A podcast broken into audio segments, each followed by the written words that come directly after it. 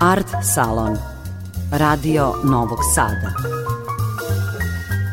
Umetničke ideje, mišljenja, kretanja i poetike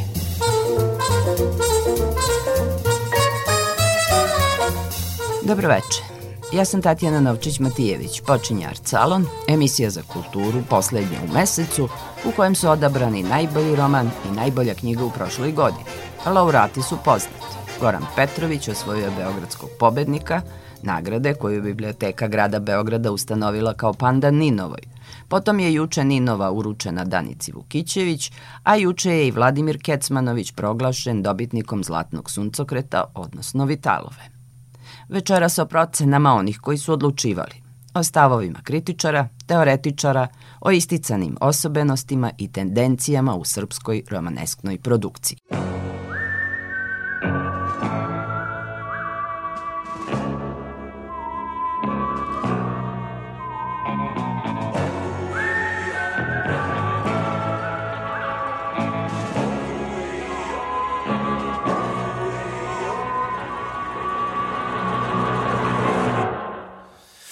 was made to pray for the rest of the sheep. So I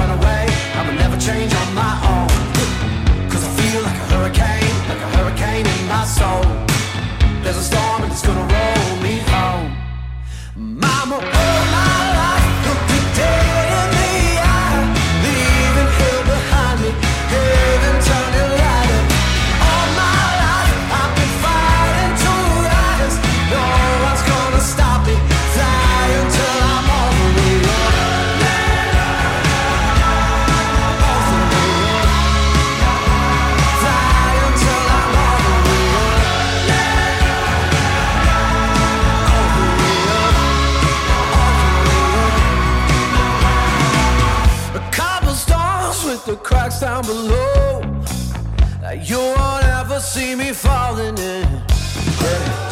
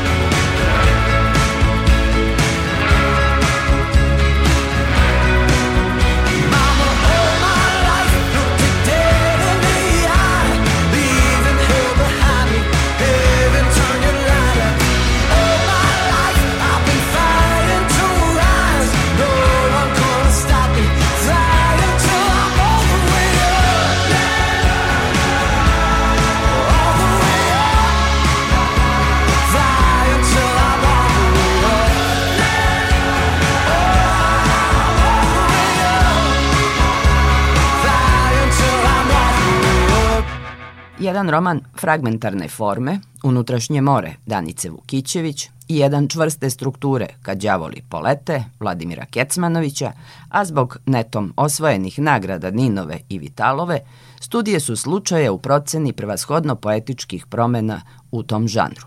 Marija Nenezić, članica Ninovog žirija. Imamo nekoliko tendencije koje su prisutne poslednjih godina.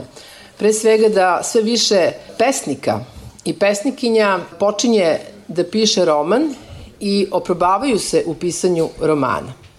To je možda na prvi pogled neobično, ali moram da kažem da samo redki, u ovom slučaju Danica Vukićević, uspeva zapravo e, da iskorači iz usko lirske perspektive i da donese jednu širu romanesknu sliku sveta. I to je ono što zapravo jeste ulaznica u svet romana, a to je Danica Vukićević uspela. Kritičarka Milena Đorđijević, takođe članica Ninovog žirija. Prva tačka bila bi kako to debitanti, odnosno oni koji se prvi put oprobavaju u ovoj književnoj formi, mogu smelo, snažno, zaokruženo i ubedljivo da postanu najbolji te godine ili prema mišljenju koje je ovogodišnji žiri dao. Kako se od vrsne pesnikinje postaje snažan i izrazit romanopisac, što je takođe jedna od tema i fenomena ne samo ovogodišnje produkcije u srpske književne i onih dela koji su konkurisali za Ninovu nagradu za roman godine.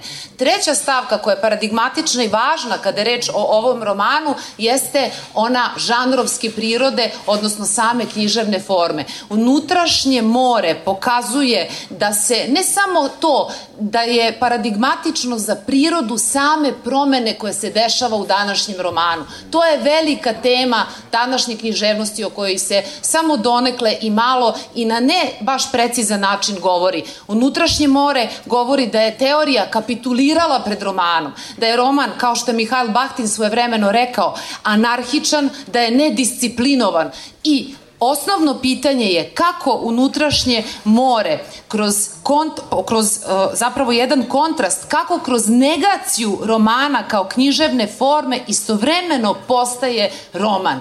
I to u najsnažnijem i najispravnijem smislu te reči. Jer ovaj svet duboko jeste romaneskvan, duboko je doželjen od strane naratora, junaka i sveta koji se prikazuje. S druge strane, njegov kvalitet kroz tu jezičko-stilsku umešnost, kako je fragmentarizovan, destabilizovan i nesakupljiv svet uspela da veže u totalitet, da da ono što je davala najbolja tradicija romana kada je postavljala vrhunska pitanja umetnosti. Dakle, od materijalnosti, kao što stoji u obrazloženju, dolazi se do Boga, do smrti, do duše i svih ostalih važnih pitanja koje ona jezički uspeva da dozove ubivanje.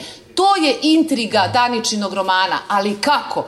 Uz pomoć čitaoca. Čitalac postaje aktivni sudionik u vezivanju svih ovih segmenata romana i na taj način on postaje taj koji će moći ili neće biti u moći da da predstavu o totalitetu sveta koji nam se ne servira kao takav, nego kao rascepkat.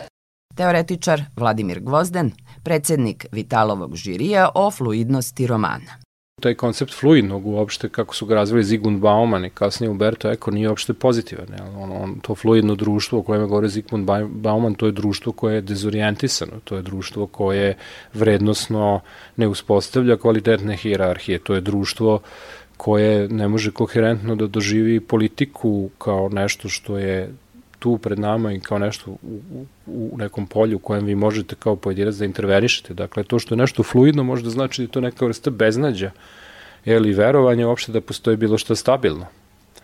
I to je ono što je možda tu problem i možda je književnost, u tom, u tom smislu je književnost dakle i dalje vrlo bitna, jer nam ona onda na taj način govori zapravo da mi živimo u jednom društvu i dalje nam govori da živimo u jednom društvu koje je izrazito nestabilno, koje ne može da uspostavi jasne hirarhije vrednosti, pa otuda ni te žanrovske e, vertikale, te u tom smislu fluidno može da se shvati izrazito negativno. E sad imate one koji shvataju fluidno kao nešto pozitivno, kao sve površina, mi plutamo po njoj, mi grabimo identitete koje želimo i tako dalje, kao neki dobri potrošači.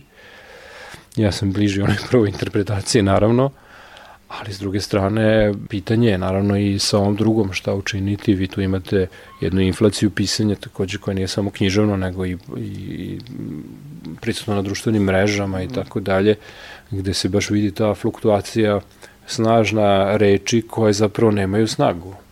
One mm -hmm. samo mm -hmm. imaju jednokratne upotrebe, trenutne, slično kao i čitava kulturna industrija. Ona stalno izbacuje nove materijale, nove show, nove programe, E, nove realitije, zato što je potražnja ogromna za njima, ali to nije potražnja koja ima bilo kako kontinuitet, znači što ona trenutna instant potražnja. Da, da, i, i potrošna. Književnost po svojoj da, definiciji da, da. se tome opire, tako da mislim da smo mnogo bliže onom prvom ipak objašnjenju, da je to jedna negativna tendencija koja se prelama u književnosti. Nedavno mi je jedan pisac pozvao, stari pisac, sjajan pisac, kaže, kaže ovaj, gvozdane više se ne može pisati jer vrednostni sistemi su potpuno oboreni. I kao pisac morate da verujete u nešto da verujete u nešto. Ostalo je negde da se na to na individu izavršava, jel, tako, subjektivno. To je kod tišme, recimo, vrlo izraženo. To koliko individua može biti zapravo moćna, iako je nemoćna. E, to može književnost tamo da nam kaže. Ne znam koji drugi, koji drugi oblik umetnosti ili izražavanja može. Roman Kad đavoli polete Vladimira Kecmanovića, kaže Gvozden, smelo otvara složena pitanja. On se tu vratio na onaj nivo koji ima romanotopije bio vreo, bez nekih moralnih sudova, on priča priču, gde glavni junak zapravo ne, ne progovara, što je vrlo zanimljivo poetički.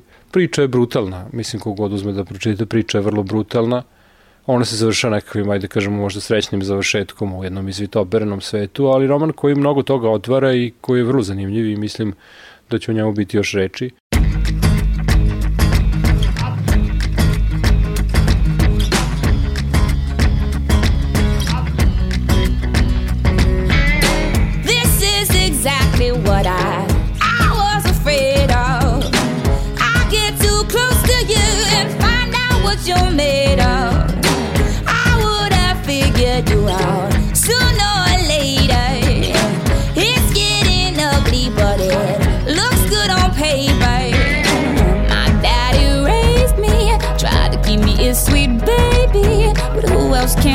Call when my whole world is going crazy.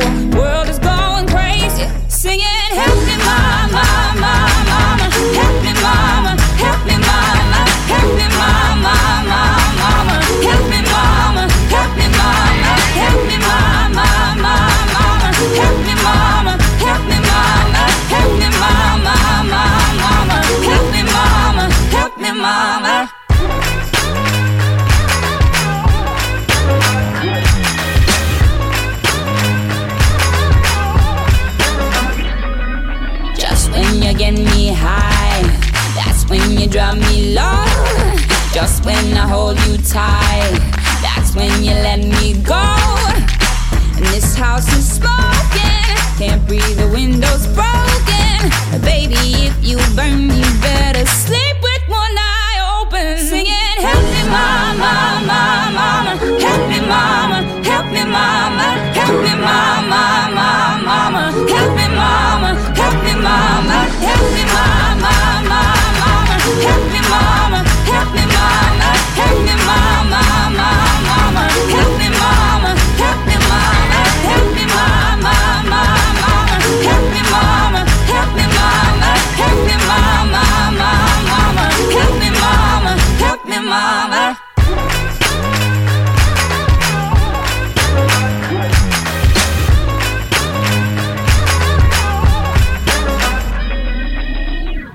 je to Art Salon posvećen tendencijama u srpskom romanu. Narednog utorka nove priče o umetničkim idejama i praksama. Laku noć i dobre snove želi vam Tatjana Novčić-Matijević. Hey little apple blossom, what seems to be the problem. You tell your troubles to, that don't really care for you. Come and tell me what you're thinking. Cause just when the boat is sinking, a little light is blinking, and I will come and rescue you. Lots of girls walk around in tears, but that's not for you.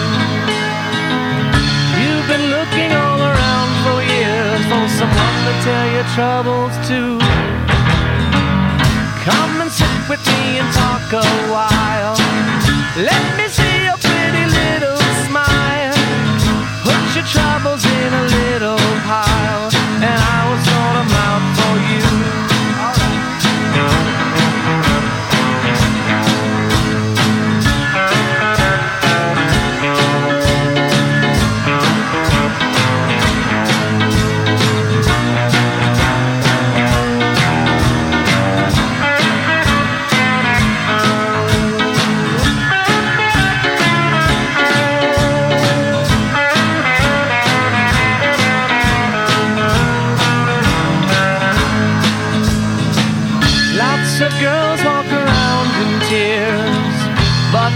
not for you. You've been looking all around for years for someone to tell your troubles to. Come and sit with me and talk a while. Let me see your pretty little smile. Put your troubles in a little pile, and I will sort them out for you. I fall in love with you. I think I'll marry